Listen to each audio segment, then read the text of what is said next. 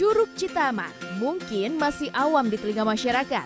Penyebabnya adalah lokasi yang berada di kaki Gunung Salak dengan akses cukup sulit dijangkau tanpa pemandu lokal. Saya membutuhkan waktu sekitar dua jam perjalanan dari ibu kota dan dilanjutkan satu jam trekking ke Curug yang terletak di Desa Kutajaya, Kecamatan Cicurug, Sukabumi ini.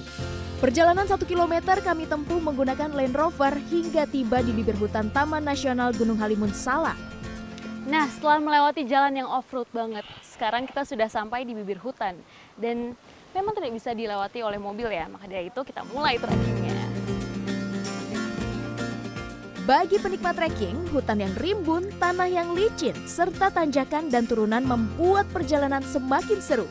Meski lelah, saya pun menikmati perjalanan yang memanjakan mata ini.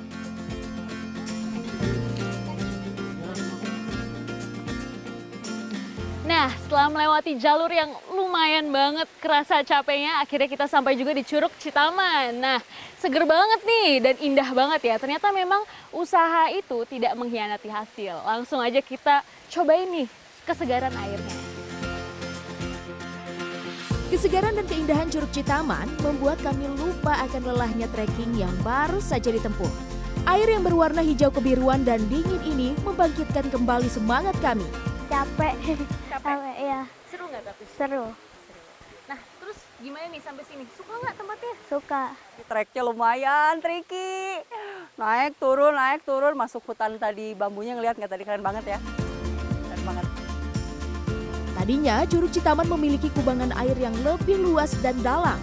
Sekarang eh, jarang yang datang ketika airnya mulai terkena dampak dari banjir bandang kalau dulu tingginya sama dengan batu itu, kalau ketinggian curugnya itu cuma 15 meter. Hingga saat ini tidak ada biaya yang dipungut untuk menikmati keindahan dan kesegaran di tempat ini. Warga berharap Curug Citaman segera disentuh dan dikelola oleh pihak pemerintah setempat agar lebih bersih dan tertata rapi. Laurencia Gata, Galuh Prestisa, Jawa Barat.